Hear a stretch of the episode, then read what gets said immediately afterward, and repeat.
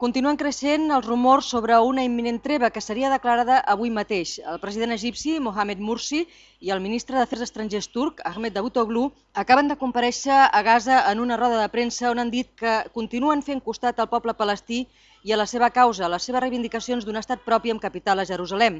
Mentrestant, a Jerusalem precisament, s'espera el resultat de la mediació del secretari general de les Nacions Unides i de la secretària d'Estat nord-americana Hillary Clinton, que són en allà.